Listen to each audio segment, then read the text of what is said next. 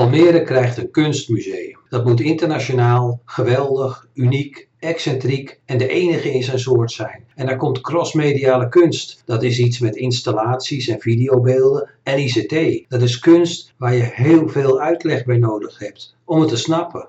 Het wordt een museum dat lokaal relevant is volgens de kwartiermaakster. Ik denk dat ze bedoelt dat de Almeerders er naartoe zullen gaan. En dat gaat natuurlijk niet gebeuren. En het zal wel een gigagebouw worden zoals KAF, zo'n blokkendoos waar de Almeerders apen trots op zijn. Almeerders willen geen koude druktekunst, maar dat de vuilnis opgeruimd wordt. Dat brengt mij bij het Jopie Huisman Museum in Workum. Jopie was een schilderende lompenkoopman. Zijn museum zit in drie oude gebouwtjes aan de Dorpstraat. En jawel, bij Jopie Huisman had ik niet heel veel uitleg nodig. Geen zelfs. Gewoon een paar oude schoenen op het doek, minutieus nageschilderd en dan zeg ik, mooi geschilderd, die schoenen.